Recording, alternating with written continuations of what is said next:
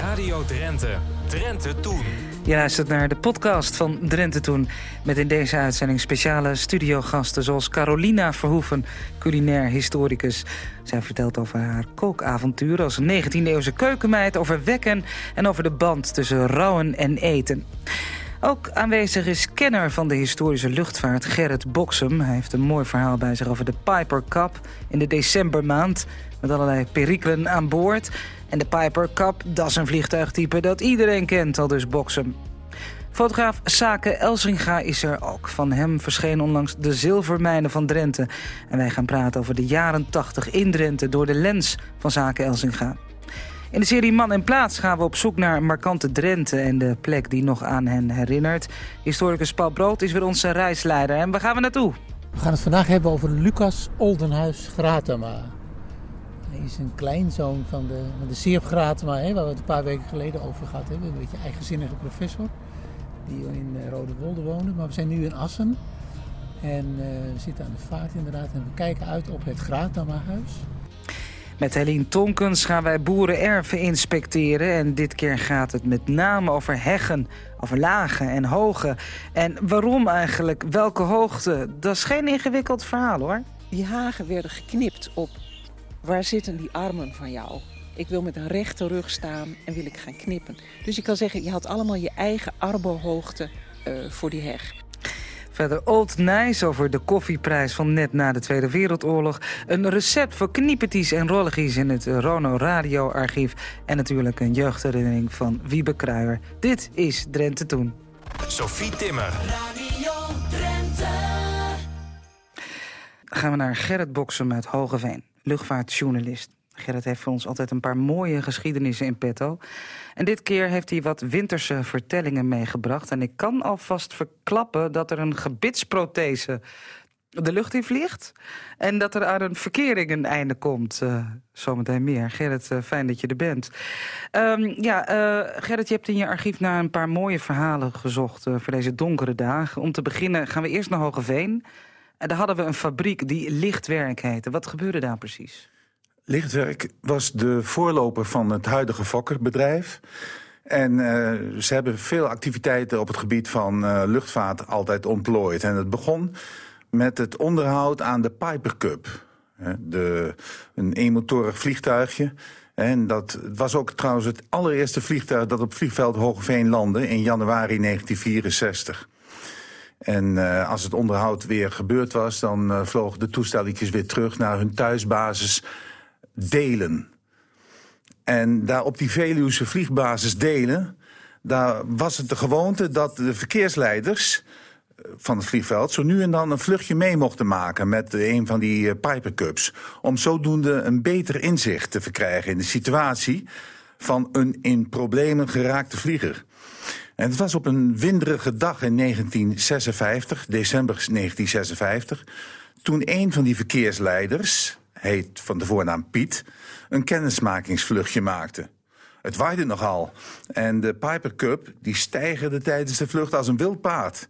Piet die voelde zijn maag heen en weer dansen. En het duurde dan ook niet lang of hij had de kotzak nodig die in elk vliegtuig ligt. Uh, maar ja, toen hij dat de kotzak vol had, dan moest je de ding ergens laten. Uh, Piet wist daar wel een oplossing voor. Hij schoof het, raampje, het zijraampje van de Piper Cup open en wierp de zak naar buiten. Nou was het zo dat Piet uh, vroeger eens met zijn fiets ergens tegenaan was gereden... en dat had hem vier tanden uit het bovengebit gekost... En sinds die tijd had hij een prothese, zo'n plaatje met vier voortanden erop. En laat ik dat plaatje nou maar even uit mijn mond halen... voor ik weer moet overgeven, dacht Piet. Hij stak zijn vingers in de mond om het plaatje te pakken, maar het was weg. Oh jee, dat had natuurlijk in de kotzak gezeten... die hij zojuist overboord had gegooid. Toen Piet weer geland was, zag hij een beetje witjes om zijn neus... en had bovendien een beetje ingevallen bovenlip. Hij sprak ook wat lispelend. Helemaal netjes was het natuurlijk niet van zijn collega's... maar die hebben wel vreselijk moeten lachen om zijn verhaal... en zijn slissende manier waarop hij het vertelde. Piet ging zo snel mogelijk naar Arnhem, naar een tandarts... om, om een nieuw plaatje te halen, maar dat lukte helaas niet meer voor de kerst. De volgende dag had Piet vroege dienst op het vliegveld. Het eerste dat hij moest doen was het aansteken van de kachel. Dat ging nog in die tijd op de ouderwetse manier. Een prop krantenpapier, wat dunne houtjes daarop... en dan wat dikkere stukken hout. En als dat alles goed fikte, dan gingen de kolen de kachel in. Zo ook op die morgen. Het hout was op een of andere manier echter wat vochtig geworden... en wilde niet branden. Het rookte wel enorm, maar vlammen zag je niet. Toen vroeg Piet al slissend aan een collega... blaaf jij de kachel even aan? Die collega stond echt op het punt om naar het briefing te gaan... en adviseerde hem om dat zelf maar even te doen. Piet ging op zijn knieën liggen, opende het deurtje van de kachel en begon te blazen. Woem, klonk het opeens uit de kachel. En een flinke steekvlam schoot uit het deurtje. De kachel brandde, maar Piet had geen wenkbrauwen en geen wimpers meer. En ook een deel van zijn hoofdhaar was weggeschroeid. Nou had Piet een afspraak met zijn vriendinnetje in Leeuwarden... met de kerstdagen, en daar wilde hij graag naartoe. Gelukkig was er een, hij had eigenlijk brandpiket... maar gelukkig was er een collega die de dienst van hem wilde overnemen. Daags voor de kerst vertrok Piet naar Leeuwarden... maar op de tweede kerstdag was hij alweer terug op de vliegbasis... Zijn meisje had namelijk enorm moeten lachen om zijn geschonden uiterlijk en lispelende manier van praten. En Piet was daar zo kwaad over geworden dat hij ter plekke de verkering had uitgemaakt. Gerrit, ik, ik vraag me toch af, zo'n zo'n raampje van zo'n pijperkap, in die tijd, dan kun je dus gewoon open doen en, uh, om een kotzak eruit te gooien. Ja, kan nog wel hoor. Uh, dat raampje kan makkelijk open tijdens de vlucht. Als je bijvoorbeeld foto's wil nemen zonder weerspiegeling, hè, dan uh, kan dat gewoon. Ja, ja, geen ja. probleem. Nee, en, uh, maar vroeger kon er wel meer, denk ik wel eens. Ja, dat gebeurde. En daarom is die tijd van de jaren 50 en 60 vind ik een interessante tijd. Omdat daar dingen gebeurden die tegenwoordig niet meer, echt niet meer kunnen. Nee, zoals, uh, zoals het jouw voor, volgende verhaal gaan vernemen. Ja, dat ging ook over de Piper Cup. Dat gaat ook over de Piper Cup. En het speelde zich af in het begin van de jaren 60. Er was in België een eigenaar van een supermarkt die het plan had opgevat om samen met de kinderen van de klantenkring op originele wijze het Sinterklaasfeest te vieren. Het idee was om de grote kindervriend met een Piper Cup te laten arriveren. Het toesteltje zou dan eh, kunnen gaan landen op een vlakbij de winkel gelegen weiland. Er werd afgesproken dat de piloot van de Piper Sinterklaas zou ophalen uit de kantine van het vliegveld. Maar daar kwam een kink in de kabel, want de Sint kreeg namelijk opeens vliegangst... en wilde onder geen voorwaarden instappen. Om de kinderen niet teleur te stellen, moest hij op andere gedachten gebracht worden. Er werd een fles whisky tevoorschijn getoverd om Sinterklaas te helpen om het vliegtuig in te stappen. En dat hielp. Na diverse glaasjes was hij bereid om op de achterste plek in de Piper Cup plaats te nemen. En wat er toen gebeurde, dat horen we uit de mond van de piloot. Hij zegt, er was op die dag vrijwel geen turbulentie. Maar de goedheiligman achter mij was... Daar, daarvoor was het blijkbaar al te veel. Ik hoorde hem kokhalzen. Daar links ligt een plastic zak, riep ik nog wanhopig. Maar blijkbaar lag daar ook zijn mijter... en zag hij het verschil tussen beiden niet meer. Nou ja, mijn interieur was dan wel gered... maar de mijter zou vandaag niet meer gebruikt kunnen worden. Maar daar dacht, daar dacht mijn passagier toch anders over. Want hij zette het ding gewoon op zijn hoofd. En de ramp werd volledig toen de baas van de supermarkt na de landing... de deur van de Piper Cup opentrok... waarna Sinterklaas uit het vliegveld, vliegtuig tuimelde... en vervolgens lang uit op het gras bleef liggen. De vlaggetjes van de kinderen gingen omlaag. Het gezang verstomde. Er kwam een ambulance aangereden... waarna de Sint op een brancard werd gelegd en werd afgevoerd. De kinderscharen in totale verwarring achterlatend. Inmiddels is uh, ook aangeschoven Sake Elsinga, fotograaf... en we hebben dat prachtige boek voor ons, De Zilvermijnen van Drenthe... de jaren 80 in foto's door Salke. Sake Elsinga, neem me niet kwalijk Sake. Welkom, fijn dat je er bent. Maar Gerrit heeft nog één luchtvaartverhaal voor ons in petto. En dat gaat over een, uh, een uh, rampzalige kerstvlucht van 1934. Dat klopt. En wel door de Uiver, het beroemde vliegtuig van de KLM... dat uh, in uh, november 1934 meedeed aan de luchtrace naar, naar Australië, naar Melbourne. Die Uiver zelf die is op een hele trieste manier aan zijn eind gekomen... En dat, de, de, de start daarvoor, dat was op de ochtend van de 19e december 1934. Dat was een maand na die uh, beroemde luchtrace. En hieruit blijkt wel hoe voorspoed en tegenslag elkaar in het leven snel kunnen opvolgen. Die Uiver, daar stond een, eh, een KLM-retourvlucht Indië gepland op die 19 december. En aan boord waren vier bemanningsleden, drie passagiers slechts... en 51.000 brieven uit uh, Amsterdam, Rotterdam, Den Haag vooral. Want daar hadden reclameborden gestaan. Van uw kerstpost per uiver, binnen elf dagen krijgt u antwoord. En filatelisten en bewoners van die drie steden... die hadden volop gebruik gemaakt van deze mogelijkheid. Uh, gezagvoerder was Beekman, een beetje Norse man... niet echt populair bij zijn, uh, bij zijn collega's. Tweede vlieger van Steenbergen, Marconis van Zadelhof... en werktuigbouwkundige Walewijn. Ze vertrokken, uh, ze vertrokken die dag en dat ging prima... tot op een gegeven moment er geen, het vliegtuig gewoon spoorloos verdween. En uh, een dag vol onzekerheid volgde. Het vliegtuig was niet aangekomen op de plaats van bestemming. Een Engels vliegtuig ontdekte het wrak in de woestijn. Alleen de staat was nog herkenbaar, de rest was verbrand. De, de, Nederland was aan het rouwen. De be beroemde uiver was ten onder gegaan. De hele dag klonk er treurmuziek op de radio. En na de Uiveritis, een maand daarvoor, was Nederland nu in rouw gedompeld. Ja, en wat was nou de oorzaak daarvan? Uiteindelijk bleek het een samenloop van omstandigheden te zijn. Uh, een, uh, de gezagvoerder was moe na een conflict met de KLM-leiding. Ze hadden verkeerde verkeersweersinformatie gekregen.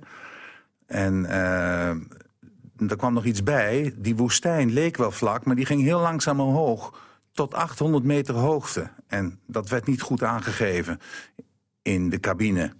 En waarschijnlijk is het vliegtuig met volle snelheid en ingetrokken landingsgestel tegen de woestijn, tegen het woestijnoppervlak aangeknald. Bovendien hadden dan ook nog de KLM-vliegers heel weinig ervaring met vliegen in het duister. In ieder geval, de uiver behoorde definitief tot verleden tijd. En was, het was het meest raadselachtige ongeluk uit de KLM-geschiedenis. Een prachtige replica van deze uiver is later nog, heeft later nog een tocht gemaakt door ons land. Twintig jaar geleden was dat. Ook op het vliegveld Hogeveen is hij daar aangekomen... waar we op 11 september 1999 honderden toeschouwers het toestel verwelkomden. Daar was jij bij, Gerrit? Daar was ik ook bij, ja. ja, ja. Krijg je dan ook een beetje de rillingen uh, over je rug... als je denkt dan hoe het met de echte uiver is vergaan? Ja, zeker. Want uh, dat is altijd zo met, uh, met vliegtuigen, die oudere vliegtuigen. Als je die ziet, dan komt ook die geschiedenissen... die zich met dat toestel, met dat type afgespeeld hebben... komen dan naar boven toe. Ja, ja en, en je bent hier ooit eens eerder geweest om te vertellen... over die, die hele beroemde vlucht en echt de uiveritis. Heel Nederland, of heel Nederland... Ook de Pelikaan was dat ja, toen. Ja, ja, ik doe alsof ik erbij was. Maar ja. was aan het zingen, er waren liedjes, er was ja, muziek. Dat klopt. Dat is heel bijzonder. Luchtvaart was heel populair in die tijd in ons land. Jij biedt mij een geweldige brug uh, om naar onze volgende gast toe te gaan. Zaken Elsinga, de zilvermijnen van Drenthe. Die titel die mag hij zo nog even uitleggen. Um, want Zaken, jij was er ook bij... bij een heleboel historische gebeurtenissen... die ja, op dat moment zelf misschien niet zo voelen. Nee, nee, dat is, uh, volgens mij is het Geert Mak die zei van, uh, dat je in de geschiedenis zit... dat je het niet eens door hebt dat je al in de geschiedenis zit. Nou ja, daar kom ik dus nu ook achter. Na uh, nou, meer dan 40 jaar, maar eigenlijk 40 jaar als fotojournalist. Zal ik uitleggen hoe die, de titel komt? Want iedereen ja. zegt, de zilvermijn. Hebben we zilvermijnen in Drenthe? Ja, er zijn heel veel zilvermijnen in Drenthe... en er zijn heel veel zilvermijnen in de wereld. En hoe komt dat? Um, ik kwam heel vaak bij het Drentse Gief. Dan ging ik daar beneden de kelder in. En op een gegeven ogenblik moest ik daar foto's zoeken, rond 1900 nog wat. En toen vond ik die en ik, wauw, dit is goud. Wat een goudmijn hier, hè, voor mij als fotograaf. En ik dacht, wacht eens even, goud.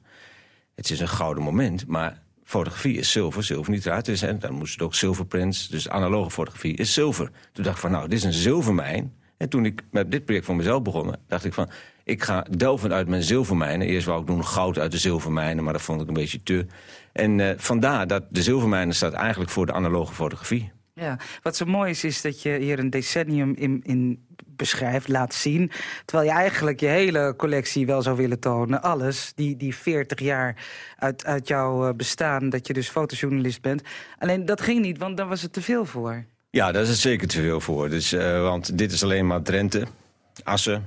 Uh, maar heel veel Assen, omdat ik vanuit, vanuit Assen werk. Maar ook andere dingen Drenthe jaren 90 zul je zien dat ik, want in eind jaren 80 ben ik vooral voor het NRC veel begonnen. Dus dan ging ik steeds meer het land in. En later gewoon de hele wereld in. Daar natuurlijk ook in de jaren 80 ben ik ook in Namibië geweest. In het vallen van een muur en dat soort dingen. Maar goed, dat staat er niet in, want dit is echt een boek Ja. over Drenthe. Ja, wat me treft is dat... eh, ik heb de jaren 80 ook meegemaakt. Iedereen hier in de studio, behalve onze technicus... want die is van eind jaren 80, eh, heeft de jaren 80 meegemaakt. Dat er, dat er veel overeenkomsten zijn met de tijd van nu. Ja, het is maar hoe je wil kijken hè, en wat je vindt. Maar het was ook een tijd van pessimisme, van werkloosheid... van protesten. Nou, dat is wel heel mooi, want toen ik bezig was in, het, in, het, eh, in mijn archief... eh, toen dacht ik van, waar zijn de demonstraties gebleven? Ik kwam zoveel demonstraties tegen. Hier demonstraties in Assen van met Amnesty International, eh, boeren, alles. Nou, ik had er nog niet uitgesproken. Of het is echt eh, sinds een maand of vier, vijf... eh, is de ene demonstratie naar de andere komt weer. De spandoeken gaan weer door, door, door het land. Nog te weinig door de stad, want hier hebben we echt beelden... dat mensen echt met spandoeken groot door de stad lopen. Ehm, dus, en, maar ja, dat is wel weer een, een, een herhaling. Ja, ja. als je maar langer genoeg leeft, dan, eh, dan herhaalt alles zichzelf. Maar eh, wat waren de jaren tachtig voor jou? Want het, het, het waren voor jou ook de jaren dat je dat je je als fotojournalist Ja. echt ging ontwikkelen. Ik ben in 1979 bij het Noord-Nederlands Fotopersbureau begonnen. Eh, dat was in Fries. En vandaar dus landen, voor de landelijke regionale kranten. Eh, in 81 eigenlijk een beetje voor mezelf begonnen. Want eh, er was nog niet te veel werk. Toen ben ik toch maar eh, een stap moesten maken voor mezelf. Eh, een van de pagina's die we zo- we zien hier 1981 hoog halen... dat gespecia- gespecialiseerde schildersploeg voorziet radiotelescopen van een nieuwe laag. Nou, het mooie is dus, ik ben een klein mannetje, ik heb, inmiddels heb ik hoogtevrees. Maar hier was een, film, of een, eh, een schildersploeg die dus eh, zonder tuig, zonder verzekering gewoon erin liep. En ik heb, ben op blote voeten, om grip te houden, ben ik ook daar helemaal ingeklommen. En ik snap nog niet hoe ik het gedaan heb. Dat doe je dan op die En, en leeftijd. eh, ja, eh, dus, ik heb dat, dus dat vind ik wel iets, iets, iets waarvan ik dacht van, eh, wauw. Ehm, hier bijvoorbeeld aan het eind zie ik dan ook een serie over de Drentse Assocourant... waar ik dan sinds 81 veel meer voor ga doen. Ik zie hier de hoofdredacteur Jan Verkoten die mij toen binnengehaald heeft. Toen had ik een serie gemaakt over vogels die in een wiek zaten. Die, die serie staat er ook in, in, in, een, in een molen in Holte. En toen zei hij van, wauw, je hebt talent. Jij moet vaker, vaker voor ons wat dingen gaan doen. En ik ben eigenlijk altijd een beetje een eigenwijze fotograaf geweest. Want ik was eigenlijk te veel fotograaf en te esthetisch. Waardoor, eh, esthetisch, de leerde schoonheid. eh, dus de dingen soms te mooi maken qua vorm. En dat ze zeiden van, ja, ja, ja, we zien te weinig. Maar ik wou eigenlijk de beleving doen. En als ze nu terugkijken, dan zie je gewoon dat, dat, dat die beelden toch een andere inhoud hebben. Ja, maar dat je dus als kijker ook een beetje je best moet doen. Eh, ja, ja. Maar als je dan één keer je best doet, dan is het ook echt eh, een verademing. Wat me opvalt, ja, het is zo'n verschrikkelijk cliché, maar ik zeg het toch, is jouw veelzijdigheid. Eh, als ik bijvoorbeeld kijk naar het, het, eh, het onderwerp cultuur, dan gaat dat van Freek de Jonge, nou, een hele jonge Freek de Jonge, tot Percy Sledge, die optreedt eh, bij discotheek Skopje in Ja. Bijlen. Nee, toch? nee, nee is, een- dit, is van, dit is leuk. Skopje, nee, dat klopt wel. Skopje is ooit begonnen in Harkstede. Toen eh, rond 77 in Bijlen. En in 1980 zijn ze in Emmen begonnen. En in Emmen was dan eh, vaak eh, ook eh, echt beneden heel groot, grote ruimtes... waar heel veel artiesten kwamen. Ik heb onlangs ook nog een foto, die kwam ik tegen... van Jacques de Cona, die heb ik hem nog even toegestuurd... uit de jaren 80, dat hij daar met een, een of andere wedstrijd jurylid was. Ja. Ja, maar ook Gerard Joling. Gerard Joling. onveranderende factor, zeg maar, die hier op het Koopmansplein staat te zingen. Ja. Ik wil nog even terug naar, naar die demonstraties. Ook ook iets waar, waar je nu niet meer aan denkt. Maar je had jongens die niet in dienst wilden... en die ook geen vervangende dienstplicht wilden doen. En dan waren zij totaal weigeraar. En eh, ja, dan werd je opgepakt. Ik zeg het maar even kort door de bocht. Ja, nou, een van de mensen die was dus Remco de Gaas. Dat, is, eh, dat was de totaalweigeraar. En eh, ja, daar staan twee pagina's in. Het is wel interessant, want eh daar zie je ook echt hoe, hoe extreem het was. De mensen gingen echt flink demonstreren. De, de, de politie moest er echt met de wapenstok op. En, en later werd hij ook vrijgesproken. Of werd hij, ja, en toen heeft hij eigenlijk... toen hebben, zien we ook al een heel groot feest hier ergens in een, een kraakpand in de Collettslaan. Maar het bijzonder was, toen we met dit boek bezig waren... ik god, misschien is het wel leuk om een van die mensen uit te nodigen. Zullen we eens kijken of Remco de Gaas kunnen vinden? En als je nu ziet, als je dan op het uh, internet gaat zoeken... dan kom je ene keer Remco de Gaas tegen. En dat is een, een geestelijke in Utrecht die er heel mooi uitziet... met volgens dezelfde ogen. Maar verder zie je van zijn hele verleden niks. Ik denk, misschien wil hij dat wel onderdrukken. Maar het is een hele lieve, hele lieve man. Als je die foto ziet, kijk, hier heb ik hem, hè, zie je. Hele lieve blik heeft hij. Ja, ja. Maar hier wordt er flink gevochten. Hè. Demonstratie bij de gevangenis. Dan wordt hij aan de achterkant binnengebracht. Ja. Triantenhal 1989, boerendemonstraties. Ja. even kijken. Um, uh, of moet mijn grote broer even langskomen? Uh, ja. Staat er op een... Uh, een, een bord bovenop een trekken. En ook, ook ja, toen al pop heftig, hoor. die hangt aan, um, ja. aan een kraantje. En wat dacht je van uh, uh, Brax rot op? Maar ook, dat vergeten mensen, ze hadden toen ook een, een conflict met de FAM. Dus gingen ze de FAM uh, daar gedeeltelijk bezetten. Maar ook de spoorwegovergang. Die foto heb ik nu nog op de voorpagina gehad.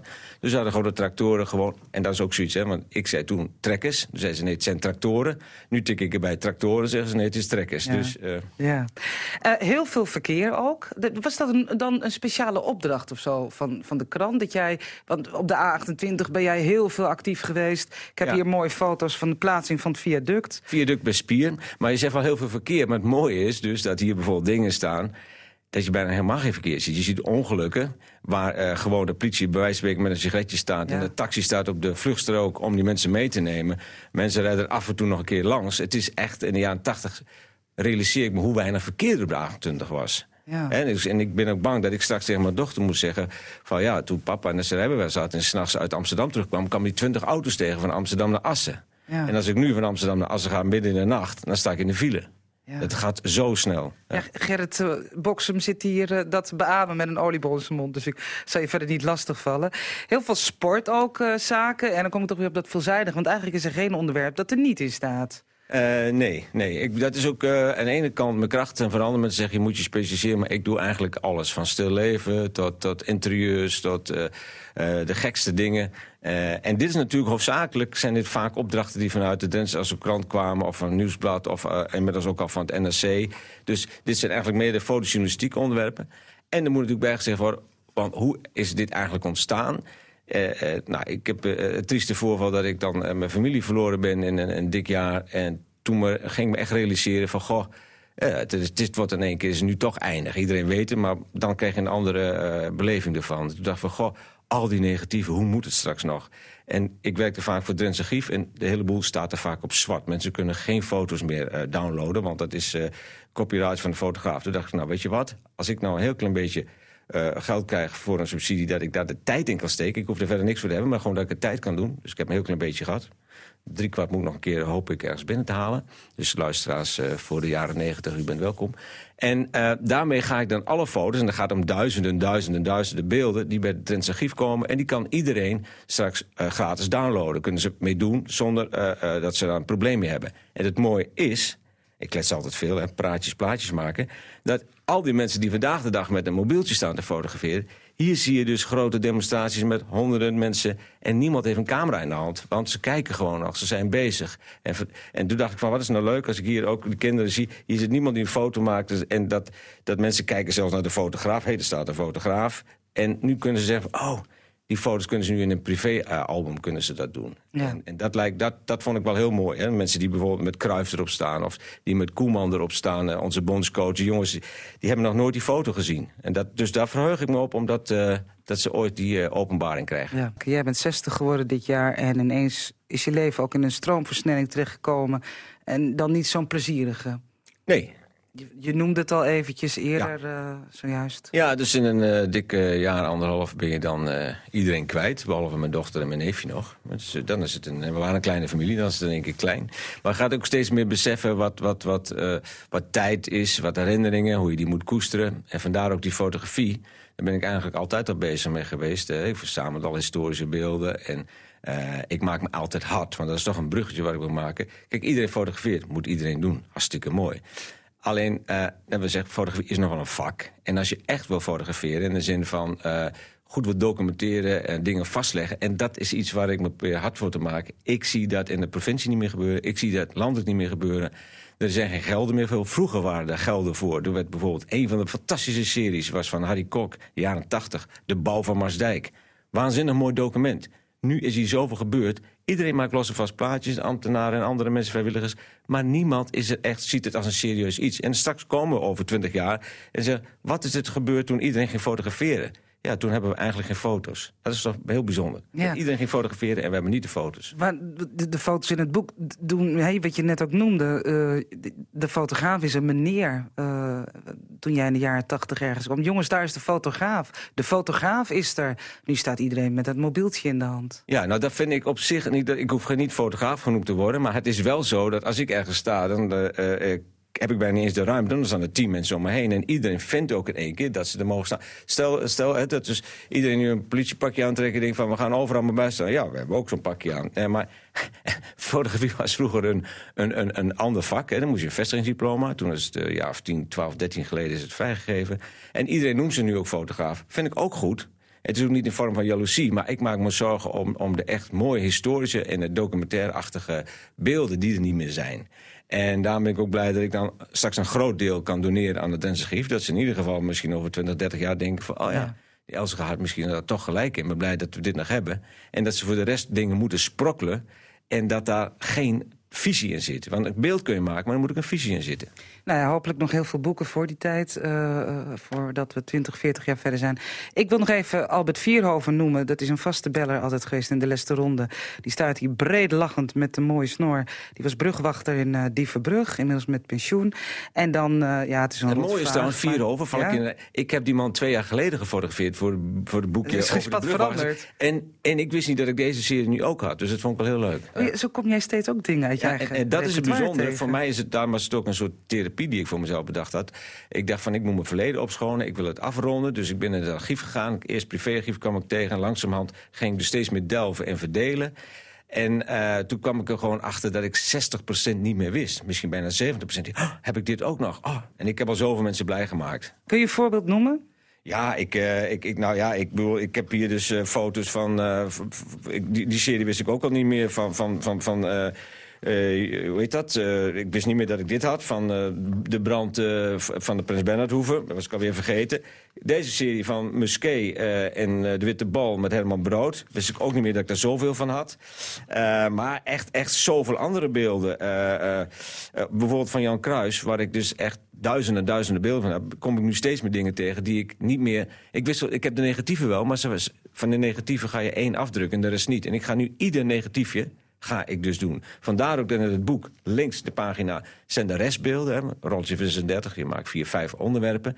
En de rest van de beelden staan daar in de grote foto's uitgekozen op de rechterpagina. Waarom? Dan kunnen mensen denken, oh maar wacht eens, daar sta ik op. En die foto kunnen ze dan volgend jaar ook binnenhalen. Dankjewel. Het boek is uitgegeven door Koninklijke van Gorkum, de zilvermijnen van Drenthe. We mogen hem natuurlijk verloten. Stuur een mailtje naar drentetoen.rtvdrenthe.nl. Zaken, dankjewel. Het allerbeste voor 2020. Gerrit Boksem, jij ook bedankt. En ook het allerbeste voor 2020.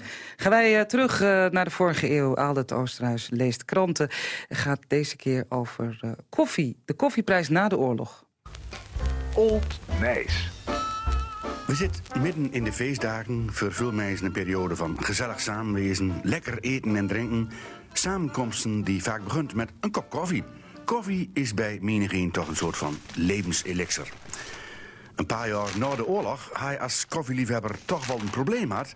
Want wat lezen wij in de Drijnse en Azerkraan van 30 december 1949, bijna exact 70 jaar geleden. Koffierantsoen wordt verminderd. Er zal voldoende surrogaat zijn, zo begint een vrij groot bericht in die krant. De regering ziet zich genoodzaakt in verband met de zeer hoge prijzen van koffie op de wereldmarkt verandering te brengen in de koffievoorziening van het Nederlandse volk.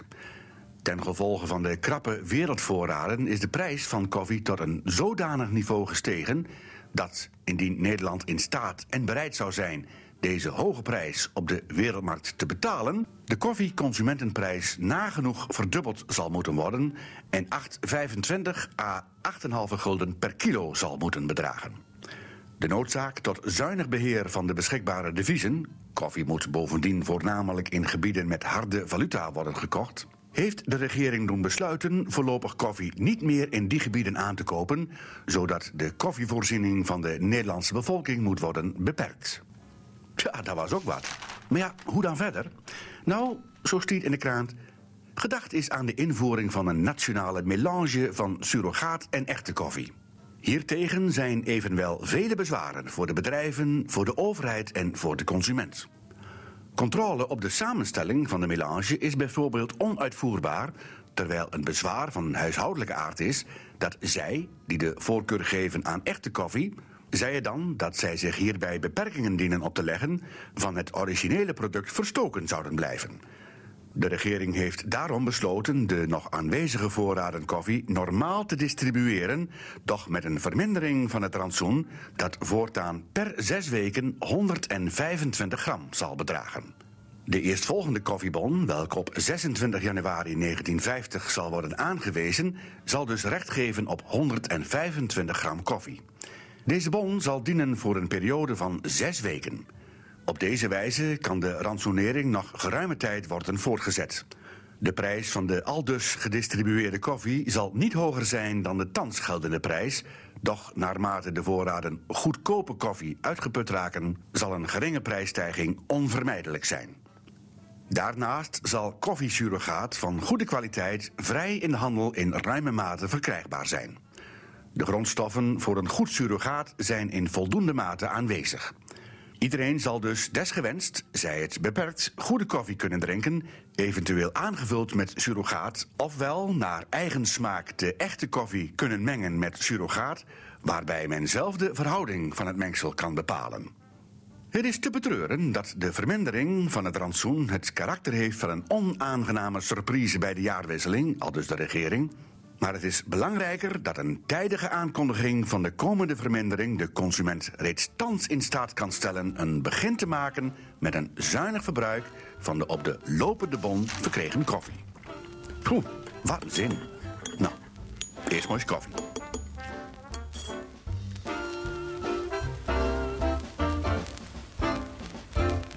Ja, tot zover Aldert Oosterhuis met Old Nice. We gaan nu terug naar het Rono-verleden van Radio Drenthe. Naar een programma waarin Geesje Been de keukengeheimen van vrouw Venenkamp ontfutselt. Het gaat over knieperties en rolligies. Een oud recept voor een lekker mol wordt je voorschoteld door Geesje Been. Mevrouw Windekamp, wat tref ik het toch geweldig dat je vanmiddag nou net een kniepertjes bakken bent. Nou, ik zo graag nog eens het recept van je horen wil. Ja, dat treft wel, hè? Ja. Ehm, nou, vertel het nog maar eens een keer, want er zijn zoveel mensen die het nog graag eens doen wilt voor de feestdagen. Nou, dat is een pond tarwebloem, pond suiker, twee, als groot met twee als drie eier, 145 gram butter en een pakje vanillesuiker doe ik toevallig deur. Kan ook een beetje uh, uh, citroen deur, dat is ook wel lekker, maar dat doe ik er zelf nooit deur. Hm. En dan gooi je dat kneden, hè, doe ik ook kneden, maar er komt geen water bij. De bloem ga je dus eerst in de kom en dan komt de butter erbij in eh, Ja. kleine stukjes even. Suiker en water door elkaar. Ja. En dan de bloem af en toe de deur. Ja. De eieren de deur. Pak je vanillesuiker en dan kneden tot een bal wordt.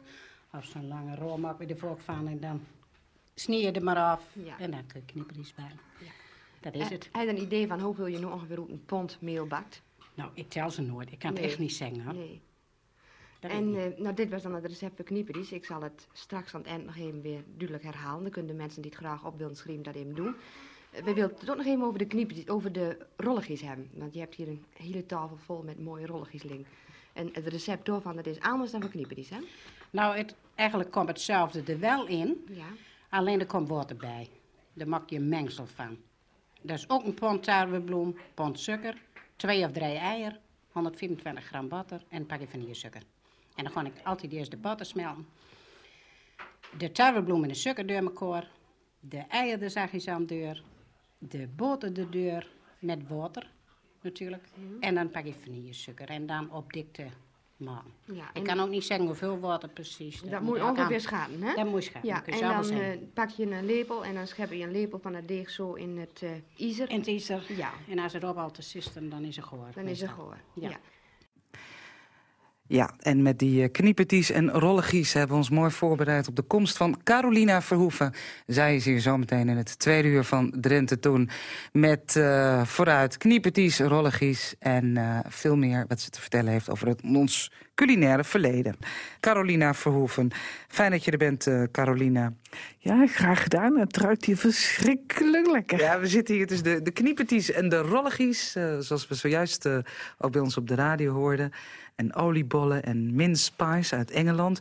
En Carolina, voordat wij even terugblikken op 2019... blikken we eerst even over de afgelopen dagen terug. Want jij was keukenmeid op Havenzaten Mensingen. Ja, was en ben nog. Tot en met uh, na de kerstdagen. Ik heb een oude trouwjurk aan van mijn moeder. En, uh, en een witte schort die uh, stijf gestreven, gestre, gesteven is. Want dat hoort een beetje als je een keukenmeid in een adellijke keuken staat. En ik voel me daar echt helemaal op een gemak. Ja, kun, je, kun je daar nog echt koken ook? Is er vuur? Is er water? En, nee, die mogelijkheid mag niet. Dat is voor de brandpreventie, dat is voor de verzekering en veiligheid. Wat ik wel eens heb gedaan, is op elektriciteit de middeleeuwse oliebolletjes gebakken... met heel veel nootmuskaat. En nu heb ik uh, uh, taarten gebakken van de Utrechtse keukenmeid... uit de tijd van de, dat de kiemels in Utrecht waren. Kiemel betekent letterlijk kummel of karwei. Dus ik heb een kuststaartpodding, dus een kuststaartpudding... met karwei gebakken en die mag iedereen proeven. Met, uh, in die tijd was thee heel duur... En de dames zelf gingen natuurlijk de thee halen in hun theewinkel in Groningen. Net zoals mannen een tabakswinkel hadden, hadden de dames een theewinkel.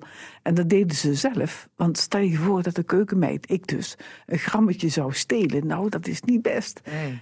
En zo stelden ze hun blend samen. En die thee, die schenk ik aan mensen. En mensen kunnen een keuze maken. Maar ik zit net te denken, hè, we hoorden altijd in het vorige uur over de koffieprijs na de oorlog. Uh, nou ja, koffie in de oorlog was bijna onmogelijk.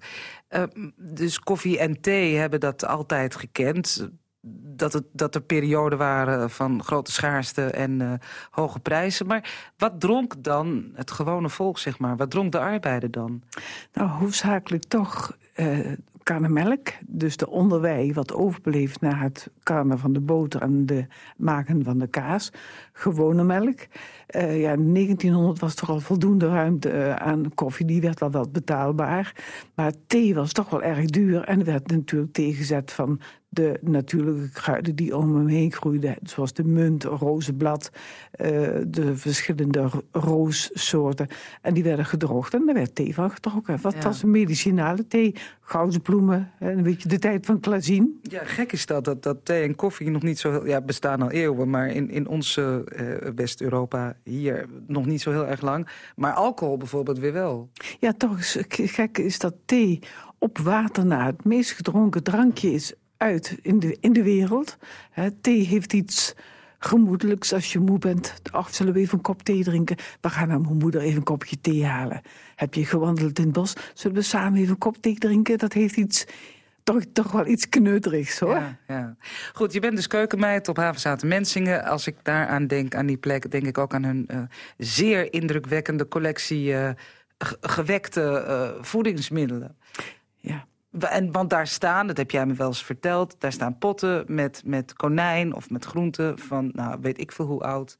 Zoveel nou, lang geleden, zoveel jaar geleden. Ja, we hebben, de, de, we hebben dit jaar dus geen bloemstukken zoals andere jaren. We zijn ingetogen, sober, maar erg, erg integer. We hebben de, de, pandwijk, dan spreek ik met al mijn collega's, de, die moet ik echt even benoemen. De mensen die daar vrijwillig werken. Uh, het museum omgetoverd tot de tijd van 18, 1860. De tijd dat de kiemels moesten overwinteren op havenzaten Mensingen. En die tijd hebben wij ook genomen. Nou, en inderdaad, die kelder moest goed gevuld zijn, anders kun je geen gast, gasten ontvangen. Alleen wij eten natuurlijk niet van die hele oude honderdjarige wek, want dat, dat zou niet kunnen. Maar de kelder staat vol en is ingericht zoals de kelder toen was. Met pastinaak, met gedroogde bonen, met bietjes in het zand. Zo, zo gebeurde dat toen, toen ja. ook. Ja, maar in principe, als je goed wekt, kun je het heel lang bewaren. Ja, ja, er zijn, daar, daar zit verschil in tussen de kelders waar de kelders zijn. Maar de oudste wek die ik zelf heb, hè, die, die is meer dan 112 jaar oud. Ja. En dat komt Wat zit daarin dan? Wilde eend. wilde eend. En we hebben bot, we hebben vis, ook ongeveer van diezelfde tijd. En die is ingewekt door de familie van Dijk van het eiland Rottemoog. En dat wekken, dat komt omdat die rubbering gepatenteerd is door de firma Wek. En niemand mocht dat namaken. Daarom is die naam ook zo bekend geworden. Maar het was een natuurproduct rubber. Ja. En, en is ook goed gebleven in die tijd. Maar nu is de kwaliteit van de rubber heel erg slecht hoor. We zitten hier met Carolina Verhoeven, die, die net eh, weer een kniepetje wou pakken. Dat is, uh, dat is wel mooi, hè? Want we hadden recept, uh, Carolina, het vorige uur. Maar kniepertjes en rolligies, die zijn al heel oud. En voordat je dat met, de elektrische, met het elektrische ijzer deed... deed je dat natuurlijk met, met het ijzer. Met het wafelijzer. Met het wafelijzer. Die loeizwaar was. Echt vrouwenwerk, die zaten met, op een krukje voor het open haardvuur. En dat werd dan gedraaid. En deze heeft mijn man trouwens gemaakt, voor, net voordat ik hier kwam. Nou, ik uh, neem er zo meteen ook eentje. Ja, eten heeft alles te maken met tradities. Je vertelde net al, je bent al 30 jaar overigens bij Havenzaten Mensingen. Uh, waar je de afgelopen dagen keukenmeid uh, was en uh, met de pollepel in de hand. Ben je dan ook de baas? Of, Nee, nee, ik ben degene die het minste te vertellen heeft. Ik luister naar iedereen. Ik ben slechts de keukenmeid. En voel me prima in die rol. Ja, je bent ook bezig met 25 januari aanstaande. Dan is het de dag van de Drentse geschiedenis op het Drentse archief. En dan, dan ga je eten maken um, voor arme en voor rijke mensen. Ja, dat is na traditie die in Dwingelo al heel... Al al een jaar oud is, vanuit de 16e eeuw. Uh, dan komt er een commissie bij elkaar van gilden. Die hebben een lange witte pijp en die halen in natura goederen op... die later verdeeld worden onder mensen die het minst bedeeld waren. En dat was onder andere ook een kluitboter, ik geloof van uh, 800 gram of zo. Dat was in één stuk, uh, werd dat geleverd. Aan de hand daarvan heeft het Drentse archief in de maand van de geschiedenis dit als thema genomen. Thema arm en rijk. Toevallig heb ik vandaag even een recept uitgeprobeerd. Uh, voor de armen. Ik moet ik zeggen, uh, wat je zegt, was heerlijk. Ja, want als, je, als ik daaraan denk, dan loopt het water me niet meteen in de mond. Maar het was lekker. Wat heb je gemaakt? Uh? Nou, mag misschien niet verklappen, maar onder andere een, grauw, een grauwe echte soep. En die ziet er ook grauw uit. Maar ik kan me ook wel voorstellen dat ze die grauwe echte soep noemde. Maar heerlijk, zo zalig en zo zacht. Dat is één van de gerechten. De rest verklap ik natuurlijk nog niet. En hebben we het dan over plattelands eten? Of, uh... de, de, de, het eten van de armen, en dat was toch wel iets wat je kon bewaren. Grauwe echten waren wat goedkoper. Daarmee kon je best wel de winter doorkomen. Die moet je 24 uur weken. En daarna moest je ze lang koken, boven het vuur, boven een open vuur. En dan had je echt een stevige, voedzame soep. Ja. Die echt bijzonder lekker is. Ja, en, en elke tijd kent natuurlijk zijn eigen arme luisgerechten. We hebben het nu over de afgelopen... Nou, ik, ik moest best veel betalen voor die gouden echte. Want ik moest ze nu gaan zoeken. Want die zijn al haast niet meer te koop. Zo weinig worden ze gevraagd. En ik moest er heel veel voor betalen. Dus dit, net als stokvis en zalm is gouden echte een luxe geworden. Ja, ja. Zeg, en, en rijkeluis uh, eten, om het zo maar even te noemen. Ja, dat, dat is ook vaak om een beetje te imponeren wie je aan tafel hebt, hè? Ja hoor, veel volume, veel lucht. Denk maar iets aan de Haagse bluff. Nou, het, het, wordt hem niet, maar uh, het rijkemans eten was vooral veel en, en, en, en uitgebreid. Ja. Ik ben nu bezig met menukaarten af te lezen vanuit Diaz, vanuit 1800. En dan zie je toch ook, dat zelfs op een kindermenu staan er 24 gerechten onder andere veel petit voertjes en, en, en, en desserts. En dan denk je toch, oh, mijn hemel. Ja, waar laat je het? Waar, waar laat je het? En is vlees nou ook altijd, of nou ja, pak een beetje de laatste paar eeuwen... altijd iets geweest wat, wat, wat duur was, wat, wat geld kostte? Nou, het was, vlees was bijzonder. Vlees was niet echt duur. Vlees at je alleen maar een tijd als er vlees was. En vlees was er alleen als er geslacht was. En dat was met Pasen en met... Uh, en met uh, in november. En daarom noemden ze de tijd van Pasen tot november de goede tijd. En de schrale tijd, die gaan wij nu in, of zijn we ingegaan op 11 november tot en met Pasen weer. Want nu is het de armste tijd. En dan zie je ook, de kranten staan vol met inzamelingsacties voor mensen die niet zo ruim hebben. De winkelkarretjes worden gevuld. Want deze tijd groeit er niks meer op het land. Uh, je, je voorraad is bijna op, je bent er bijna doorheen. En vandaar dat dat op deze manier aangevuld moet worden. Ja. Iets heel anders dan, rouwen en eten. Daar ben jij mee bezig. Je bent gevraagd voor een tentoonstelling. Uh, waar? In uh, Huizendoorn, Keizer Wilhelm II. gevraagd of ik daar de rouwtradities in beeld wilde brengen. Omdat uh, ik zelf bezig ben met het schrijven over negen multiculturele groepen in Nederland. Wat men at bij het rouwen. Want er zijn veel tradities. En als wij, deze, onze Nederlanders, die traditie niet kennen... kunnen wij ze ook niet respecteren. Er is niets over geschreven. Dus we hebben al over deze negen groepen... bij elke groep 25 interviews gedaan. We hebben de recepten geïnventariseerd. De stenden gaat ze proberen, gaat ze koken. Ja, die gaat ze koken. En Dutch cuisine, die gaat ze stijlen. Die recepten en die verhalen, die worden gedrukt op papier papierpulp gemaakt van rouwkaarten. Dus dan wordt, er gaat de, de naam, de ziel van de overledene weer verder. Bijzonder. Um, kun je ook iets vertellen over Drentse tradities op het gebied van rouwen en, en, en eten? Ja, vooral de buren. Dat was toch wel een burenplicht. En daar komt eigenlijk ook het bakje troost vandaan. Er werd koffie geschonken. Dat was een bakje troost gemaakt van koffie. Koffie kwam toch wel uit Suriname en werd gebruikt als schaduwplant op de slavenvelden. Ook daar was koffie een troost. Als mensen sterven in Nederland werd onder het bed een schoteltje met koffiebonen gelegd om de geur van het lichaam wat, wat aan het vergaan is te verdrijven. Maar er werd altijd koffie geschonken. Zwarte krentenbrood met zwarte krenten, zwarte kandij in de koffie in plaats van, of, of in de thee in plaats van suiker. De spiegels werden met zwart afgedekt. En de buren hielpen het gezin waar diegene overleden was. En dat is een plicht, zodat de familie de tijd krijgt om te rouwen. Ik, ik, ik meen uh, dat er zelfs rouwservies is. Ja, ik ben er nog naar op zoek. Ik heb inmiddels wat bij elkaar gesprokkeld. Er zijn zwarte rouwserviezen. Alleen heel simpel, eenvoudig een zwarte grote kom... waar die zwarte kandijbrokken in zaten, een melkkan en een theepot. Meer niet.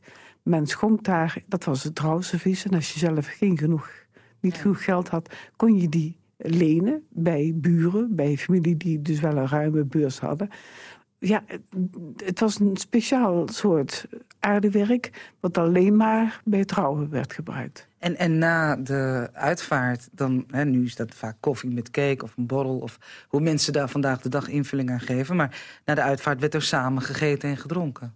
Dat was voorheen. Uh, een uitvaart werd gevierd, maar de mensen kwamen van ver... dus die moesten blijven eten. Maar ja, dat plakje cake, daar wil ik toch nog wel even iets over zeggen. Dat geëikte plakje cake. Heel, heel, heel vroeger, spreek ik over de 17e eeuw... werd er een koek gebakken en op de lichaam op, van, de, van, van de doden gelegd.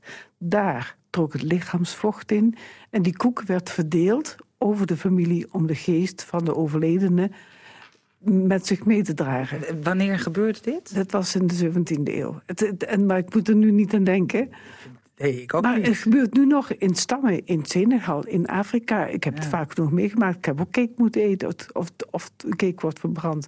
En die as krijg je in je pap, zodat je de overledene niet vergeet. Die gaat met je mee. Heel bijzonder. Eindigen we nog even, Carolina, met de terugblikken op dit jaar. Je hebt veel buitenlandse reizen gemaakt... en daar ben jij ook uh, traditionele kooktechnieken tegengekomen. In Peru bijvoorbeeld. Ja, ja, ik moet vaak nog het hout sprokkelen om iets te gaan doen. Ik merkte dat de koffiecultuur toch helemaal stuk gemaakt is in Peru... omdat rijke mensen, ook landen zoals China, veel koffieveldjes kopen... en dan ja, is het verkocht en dan is het niet meer van hen. Dus ik dacht, die vruchten die daar zijn, daar kunnen we heerlijke vruchtenijs van maken. We hebben daar conservefabriekjes op gezet. Dat moest allemaal in het Spaans gebeuren. We hadden drie keer, twee keer 25 mensen van coöperaties waar we mee werkten. Die zijn samengevoegd. We hebben de sterke kanten en de zwakke kanten van de groepen belicht. En we zijn eigenlijk nu één grote familie. En nu gaan we door. Mooi. Wat, uh, wat eet je op Oudejaarsdag en op Nieuwjaarsdag? Nou, op Oudejaarsdag, ik heb thuis nog iemand die zit knippertjes en rolletjes te bakken. Dus dat is niet zo moeilijk. En ik zou net gaan kijken, ik zat te denken aan een lekkere romerige pompoensoep met een uh, heel klein beetje room en uh, bospaddenstoelen geroosterd. En die heel, ook heel simpel. Ik, uh, ik zat een tampot zoute snijbonen te Ja, maar dat drink je met, doe je eetje met nieuwjaar, hè? Ja. En dan gaat, ja, van oudsher gingen de Drentenaren, de mannen gingen de buurt op om nieuwjaar te wensen. Kregen een borrel. En daarvoor was die zoute stampot nodig om de borrel te kunnen verdragen. De vrouwen bleven thuis en ontvingen dus de mannen die dus een borrel kregen. En ook met zoute stampot. Nou, goed. Iedereen moet maar doen wat hij zelf uh, het lekkerst vindt wat dat betreft. Carolina, ik wens je een geweldig 2020. Dank je wel dat je hier was. Graag gedaan. In onze serie Man en Plaats gaan wij vandaag op bezoek in Assen aan de Vaart. Daar staat een statig huis waar een bijzonder man woonde... die tot op het Binnenhof in Den Haag voor Drenthe op het, uh, in het krijt trad. Nou, wij uh, hebben ons eens even goed geïnstalleerd in de zon aan de vaart. Met uh, uitzicht op uh, statige herenhuizen. En een van die herenhuizen is de aanleiding dat we hier zitten. Samen met Paul Brood, onze vaste maker van bijdragen over de man en de plaats. En welke man gaan we het over hebben? We gaan het vandaag hebben over Lucas Oldenhuis Gratama. Is een kleinzoon van de, van de Seerp Gratema, hè, waar we het een paar weken geleden over gehad hebben. Een beetje eigenzinnige professor die in uh, Rode Wolde woonde. Maar we zijn nu in Assen en uh, we zitten aan de vaart inderdaad. En we kijken uit op het Gratema-huis, in 1810 gebouwd. En daar heeft Lucas Oldenhuis Gratema lang gewoond. En uh, dat was een, een, een, belangwekkend man. Je hebt me net een, een boek laten zien, dat heet... 200 jaar rechters. En uh, dat is ook onder jouw redactie gedaan, onder meer. Ja. Meester Lucas Oldenhuis Gratema, een mooie meneer met een baard. En ja. uh, hij uh, ja, is een plechtig persoon, een plechtstatig iemand. Maar wat, wat was dat voor man? Ja, eigenlijk kun je hem in, in drie woorden, nee vier woorden zijn het, karakteriseren. Hij was een rechter in de politiek. Hij was dus rechter, maar hij is ook heel erg belangrijk geweest in de politiek.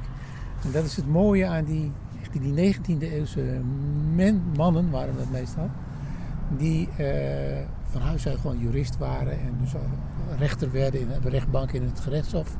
Maar zoveel uh, ambitie en sociaal gevoel hadden dat ze ook de politiek in gingen. En ook tijd hadden om in de politiek te gaan, hè, want rechters hebben natuurlijk dat nu niet meer. Dus daarmee vervulden ze eigenlijk een hele belangrijke rol in de samenleving. Dat ze aan de ene kant probeerden uh, orde te houden en het recht toe te passen. Maar aan de andere kant ook de maatschappij wilde verbeteren en, en de politiek in gingen. En goede dingen wilde doen voor de, voor de bevolking. Daar is hij, vind ik, bij uitstek het voorbeeld van. Ja, dus een, uh, een jurist met, uh, die zijn vleugels ook op politiek vlak uh, uitslaat. En, en hij is heel belangrijk geweest voor Drenthe. Ja, zeker. Hij heeft, hij heeft heel lang in de politiek gezeten. Eerst in de gemeenteraad, toen lang 20 jaar in de Provinciale Staten, ook 20 jaar in de Tweede Kamer. Maar hij heeft een aantal uh, dingen in, voor Drenthe gedaan die, ja, die we eigenlijk nog steeds zien. Uh, we zitten niet zo ver van het begin van het Noord-Willemskanaal af. Hè, die komt hier uit in de vaart. Daar was hij een van de stimulatoren geweest om dat Noord-Willemskanaal, dat kanaal tussen Assen en Groningen, om dat aan te leggen. Hij heeft heel veel betekend voor de aanleg van de eerste spoorlijn door Drenthe heen, hè, van Zwolle naar Groningen. Hij zat ook in het comité om dat, uh, dat stimuleren. En de Provinciale Staten speelde daar natuurlijk een belangrijke rol bij. En hij heeft op cultureel terrein veel gedaan. Hij is oprichter, medeoprichter geweest van het Drents Museum. En hij heeft ervoor gezorgd dat de hunebedden uh, beschermd werden. Nou, dat zijn toch allemaal dingen die. Daar hebben we nu nog profijt van, zou je kunnen zeggen. Ja, dat is dus ook iemand met een, uh, met een vooruitziende blik en, en, en gevoel voor uh, cultuurhistorie. Um, hij woonde hier aan de overkant in dat, uh, in dat statige huis. Valt daar nog wat over te vertellen? Het huis is uh, in 1810 gebouwd door zijn vader, Siebrand Gratema. Die hier ook uh, rechter was en notaris. En eigenlijk met die Siebrand is, zijn de familie, is de familie Gratema hier in, in Assen terechtgekomen. En hebben ze eigenlijk heel lang hierin gewoond. Um, hoe is het afgelopen met zijn, met zijn carrière? Want hij heeft het een eind geschopt in de politiek. Wat, wat was zijn functie? Hij heeft uh, ruim twintig jaar in de Tweede Kamer gezeten. En je zou kunnen zeggen, hij was een tijdgenoot van de beroemde uh. Uh, hij is, behoorde ook tot dezelfde politieke stroming. Dat, dat heette toen de Liberalen. Dat zouden we nu zeggen, nu zouden we dat een progressieve partij noemen. een liberaal had een iets andere inhoud toen dan, dan het tegenwoordig heeft. Maar had dus ook heel progressief idee, net als Thorbecke die had over hoe het met Nederland toeging en wat de rechten van de burgers waren. Hij was al in 1860, 1870 was hij voor algemeen kiesrecht. Dus was in 1917 ingevoerd. Hij vond adelstand, dat vond hij iets ouderwets. Dat hoefde helemaal niet. Dat, dat paste niet meer in een land als Nederland. Uh, Thorbecke was ook een groot pleitbezorger van openbaarheid van bestuur. dat de burgers inzage in hadden wat de overheid deed. Torbe, of, uh, Oldenhuis Gratema stond aan zijn kant. Openbaarheid van bestuur is pas in 1980 ingevoerd. Dus zij waren eigenlijk echt uh, heel zeer vooruitstrevend. Ja, ja en, en hun tijd vooruit. Ja, ja, ja echt ouderwetse liberalen. Hè? Precies, ja, ja. zeker. En uh, nou, als zodanig denk ik, ja, het is hem niet vergund geweest om minister te worden, maar hij, was, uh, hij had zonder meer de kwaliteiten daarvoor. Wat, wat is nou wat jou betreft zijn, zijn grootste verdiensten? Um, ja, die kunt niet één zeggen, want hij heeft zoveel gedaan. Op zoveel, zo'n breed terrein. Uh, ontwikkeling van de waterstaat, uh, ontwikkeling van, van de infrastructuur. heeft in de Tweede Kamer alle belangrijke discussies in de tweede helft van de 19e eeuw meege, meegedaan. Dus je kunt niet echt zeggen dat er één ding uitsteekt. Nou, laten we zeggen, we zijn in Drenthe. Laten we zeggen, hij is de belangrijke stimulator is dat wij nu nog steeds al die hunebedden hebben, hebben liggen. Ja, want daar, uh, ja, daar heeft professor Van, uh, van Giffen natuurlijk wel uh, het een en ander aan, aan verbouwd en, en veranderd. Tenminste aan een paar. Ja. Maar het is dus te danken aan, aan Gratema dat, dat ze de stenen niet gebruikt zijn allemaal voor de IJsselmeerdijk. Precies, ja, ja, precies. Dat ze erkend zijn als van dit is, dit is waardevol cultuurbezit en daar moeten we zuinig op zijn, daar moeten we beschermen. En dat was in, voor die tijd was dat een, een bijzonder ja, inzicht? Ja, ja de, zover was men nog niet. En hij heeft de, zeg maar, de, de politiek en de samenleving er, uh, duidelijk gemaakt van dat dit wel belangrijk is. Collega Lydia Tuinman die is weer eens op pad met Heilien Tonkens. En Heilien weet alles over boerenerven van nu en van vroeger. En vandaag gaat het over heggen. Hoge heggen en lage heggen. We kunnen hier uh, zowat bij elk uh, erf wel stoppen om uh, iets te zeggen over de geschiedenis en de inrichting. Uh, we staan net binnen de kom van Wapserveen. Uh, Helene Tonkens, deskundig op het gebied van de boerenerven. Wat, uh, wat kan je hier vertellen? En we zien hier ook weer een boerderij met prachtige, hoge knotlindes. Gericht op het zuiden om de zon buiten te houden. Je ziet eigenlijk dat het een vrij sobere aankleding is. een rij beuken gaat naar achteren, naar het erf, naar de schuur toe. Een groot voorgrasveld en er zijn wat fruitbomen neergezet. De grens met de weg is een, een droge sloot, een droge greppel als het ware. En ik kan zeggen, op zich is die boerderij met zijn hoge bomen, zijn linden, zijn fruit wat wat door moet groeien, is hij aangekleed. Ik zie wel dat het gras helemaal uh, keurig, bijna gazon, glad is. En als je zegt, er ontbreekt wat, ik wil nog wat extra aanplant dan moet je bedenken dat als ik hier kniehoge struikjes neerzet, dat het wegvalt in de ruimte. Het is in verhouding een heel grote uh, oppervlakte. Dus als ik hier wat neer zou zetten, dan zou het uh, een paar struiken zijn die een 2, 3 meter hoogte worden. Om uh, die ruimte wat meer verder vorm te geven. Maar ga je hier aan de gang, wat je ook vaak ziet, met allemaal kleine struikjes, dan kun je er 100 neerzetten en blijft het kaal. En, en historisch gezien, wat voor struik zou dat dan mogen zijn? Nou ja, wat je op die erf tegenkwam, natuurlijk waren de seringen, de boerenjasmijn, geurde beide, en de hortensia's. Je zit hier een boerderij die op het zuiden gericht is. Dus dan zet je niet gauw een hortensia neer. Die zet je meer aan die noordkant neer. Maar uh, wat seringen, wat boerenjasmijn. Nou, we hebben het zelf hè, een wintergroene buxus. Een keer een hulst met mooie besjes voor kerst. Dat zijn struiken ook allemaal die wat maat hebben. En wat je hier ziet is bomen en gras. Er heeft hier natuurlijk een keer een groentetuin gezeten die verdwenen is. Er hebben wat bloemen in die groentetuin gestaan. Misschien hebben er een paar pollen vaste planten gestaan, maar dat was het dan wel.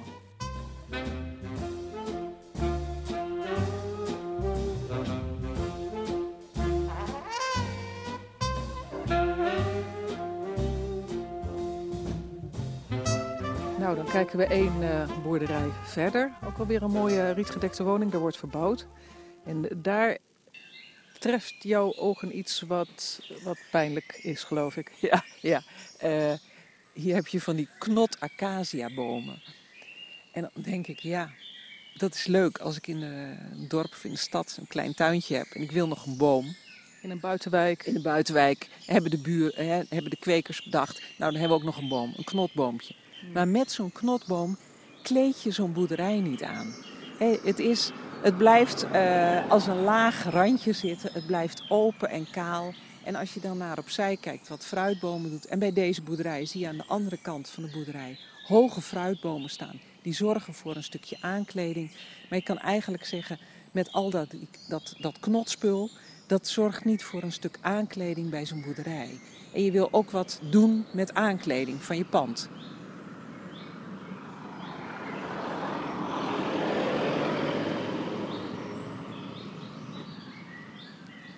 Ja, en ook alweer teruggrijpend op die uh, geschiedenis. Ik denk niet dat wij hier in Drenthe acacia's hadden, toch, in de tuin?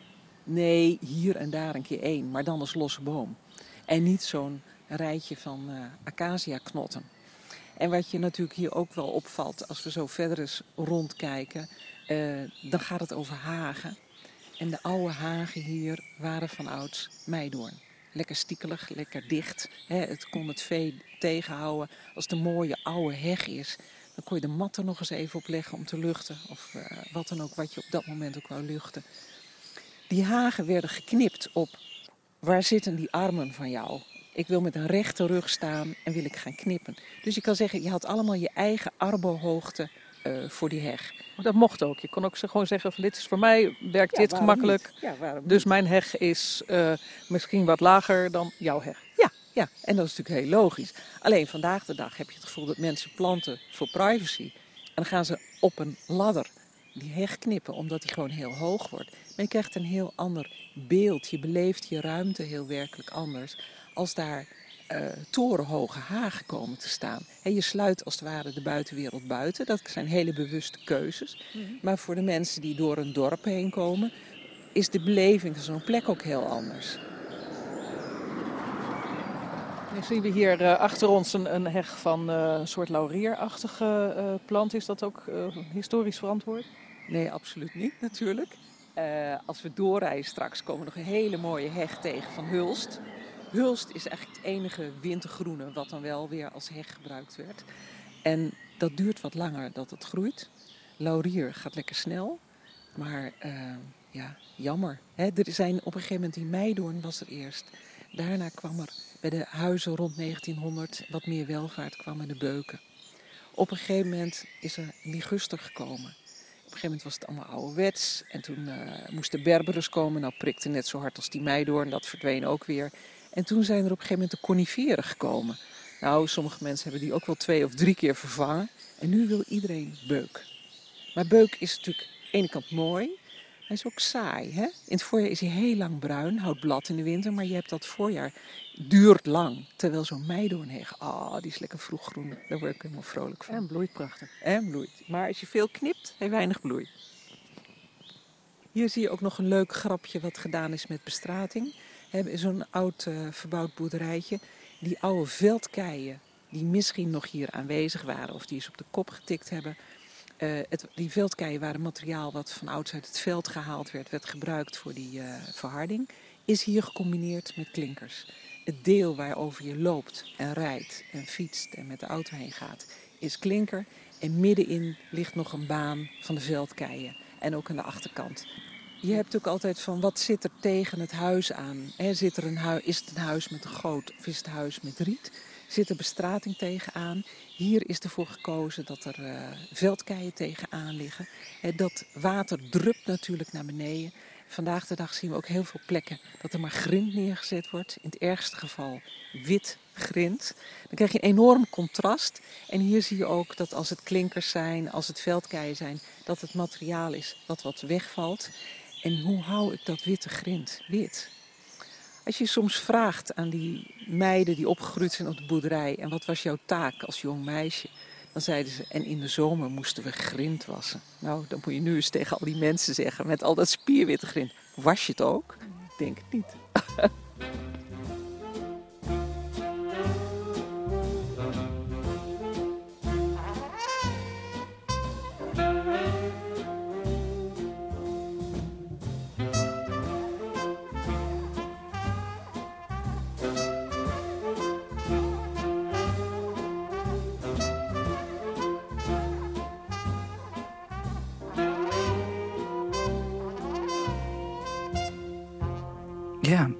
vaak meer. Dat je grind aan het wassen bent. Daar heb je ook geen personeel meer voor. Volgende week dan, uh, dan belooft de titel alleen al een heel bijzondere aflevering te worden. De titel is namelijk Gruwelerf. U hoorde Helene Tonkens. Het programma zit er bijna op, maar niet voordat we naar een jeugdherinnering hebben geluisterd... van onze eigen Wiebe Kruijer, voorgelezen door Robert Oosting.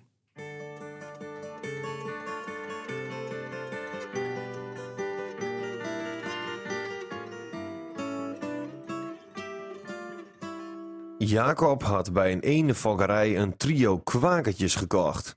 Qua kleur en voorkomen lijken die op gewone wilde ene, maar dan in krielformaat. Deze levende haven werd via Van Gent en Loos naar ons adres verzonnen en stond op een bepaald moment in de verzendhal van Van Gent en Loos in Groningen. Huip zag dit en om een langere reistijd voor de diertjes te voorkomen belde hij onze buurman Niewold op met de vraag of die ons wilde vertellen dat wij die eendjes op konden halen. Ze zouden anders nog minstens 24 uur onderweg zijn geweest. Natuurlijk stapte ik direct op de fiets en heb ik de eendjes van Van Gent in Groningen opgehaald. We hebben er enkele keren met succes mee gebroed en we hebben nog jaren plezier aan onze bijzondere tamme voortdurend kwekkende eendjes beleefd. We gebruikten de eendjes ook als lokeenden als we het meer opgingen om enen te jagen. Succes was dan altijd verzekerd. Tegen de avond gingen we het meer dan op, lieten daar op 30 meter van de kant de handtamme eendjes aan een lang touw met een steen eraan los en wachten op de oever wat er verder ging gebeuren. Het duurde meestal niet lang of de eerste wilde eenden verschenen, nieuwsgierig wat die kwakertjes wel te vertellen hadden. Op deze manier heeft Jacob veel enen geschoten. Omstreeks 1955, toen we op een avond na de jacht terug naar huis roeiden, was het windstil. Het werd erg koud en het begon flink te vriezen. Het water was duidelijk onderkoeld, want als je de roeispaan in het water liet vallen, schoten de ijskristallen plotseling her en der door het water.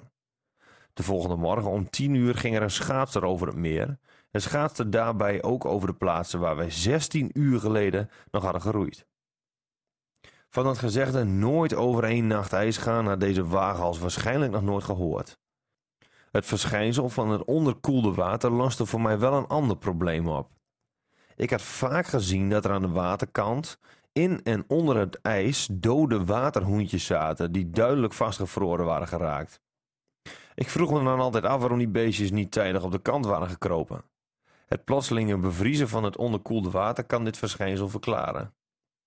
Als in een flits schieten de ijskristallen bij beroering van het water uit het niets tevoorschijn. En daaruit kan een daarin geraakte vogel niet meer ontsnappen.